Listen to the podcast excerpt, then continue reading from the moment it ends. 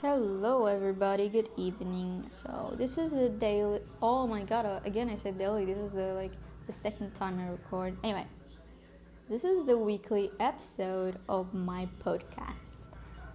It will be a journal. No, wait. It will be a yeah.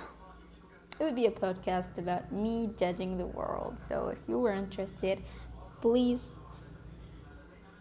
you know, subscribe yeah, that's it.